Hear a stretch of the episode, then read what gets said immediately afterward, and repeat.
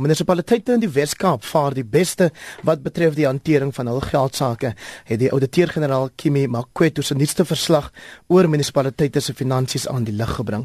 Ons het die Wes-Kaap se minister van plaaslike regering, Anton Bredel, op die lyn om hieroor te praat. Môre, minister Bredel.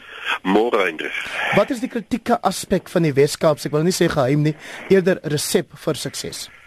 Wel, ek dink dit is 'n geweldige spanpoging. Ons het in 2009 geen skoon audits geneem gehad nie en ons het besluit dat dit was eintlik 'n nasionale teken dat in 2015 moet ons skoon audits hê dwars deur die land. Ehm um, dis regtig 'n spanpoging. Ehm um, die ouditeur-generaal se kantoor speel natuurlik 'n rol daarin, maar ons kwaliteit amptenary in ons munisipaliteite, ons politieke stabiliteit in munisipaliteite en dan jou provinsiale tesourie-span en sowel as plaaslike regeringsspan almal wat saamwerk met 'n gesamentlike doel. Ehm um, koppel daaraan dat ons saamwerk om die beste moontlike stelsels te vestig binne ons munisipaliteite en dan kry jy hierdie tipe resultate waarop ons baie trots is natuurlik. Die resultaat is dat 80% van julle munisipaliteite skoon audits ontvang het. Wat is dit wat die oorblywende 20% verkeerd doen? Wel, van die oorblywende 20% Heinrich het ons, moet ek sê, is daar ses ongekwalifiseerde audits. Met ander woorde, hulle het bevindinge, maar dit is nie van uh, baie materiale waarde nie. Dis nie groot bevindinge nie. Dis klein goedjies wat hulle moet regmaak, skaafmodelle.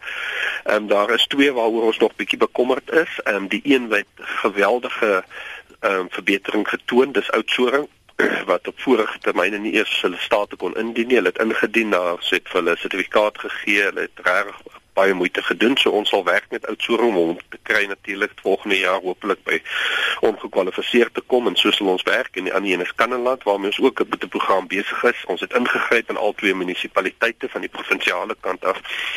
So ehm um, die die volgende uitdaging is natuurlik om hierdie munisipaliteite skoon audit status te behou dis dis een ding om daar te kom dis dis 'n volgende proses om daar te bly. So dis ons volgende uitdaging.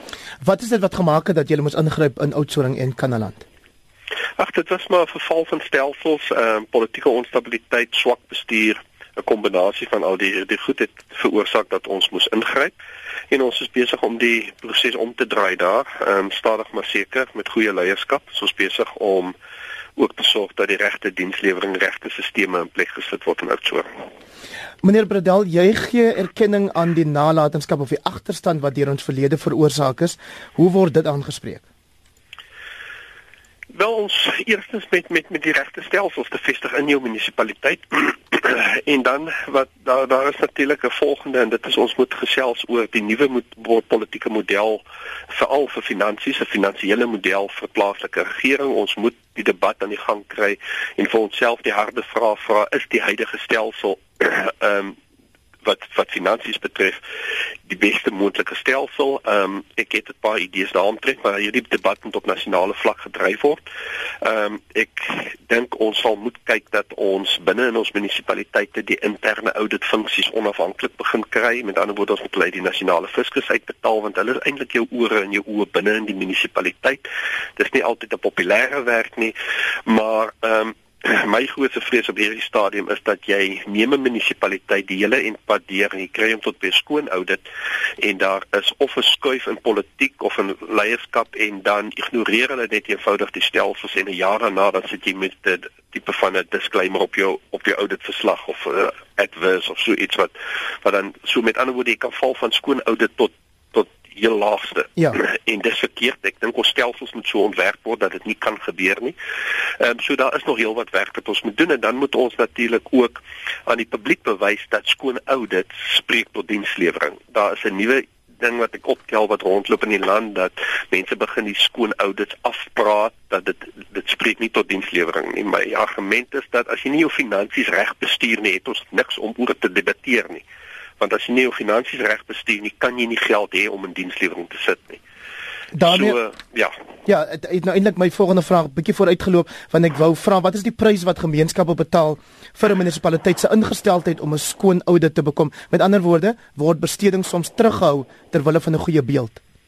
Nee, besteding word nie teruggehou nie. Besteding op die regte items bespreek besteding binne die wetlike raamwerk wat daar gestel word. Dit is wat belangrik is want dit verseker dat daar nie korrupsie is nie en dat ons ten minste die geld het en dan kan ons begin met die IDP proses en dan kan ons begin beklei waar moet die geld gespandeer word.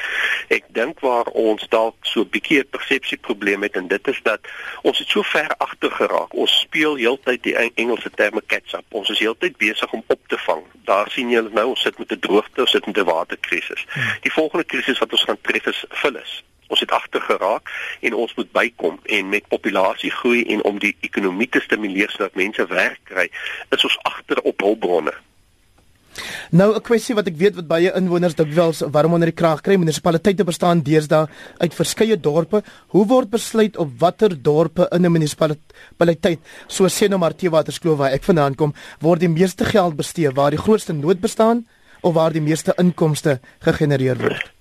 Die miskien moet ons teruggaan en terug na die oorspronklike idee van die groter munisipaliteite. Ons kan gaan kyk in die wetgewing. En die die idee was met die groter munisipaliteite dat jy een ekonomiese hub met 'n klomp kleiner munisipaliteite en dat hierdie ekonomiese hub dan die res sal optrek.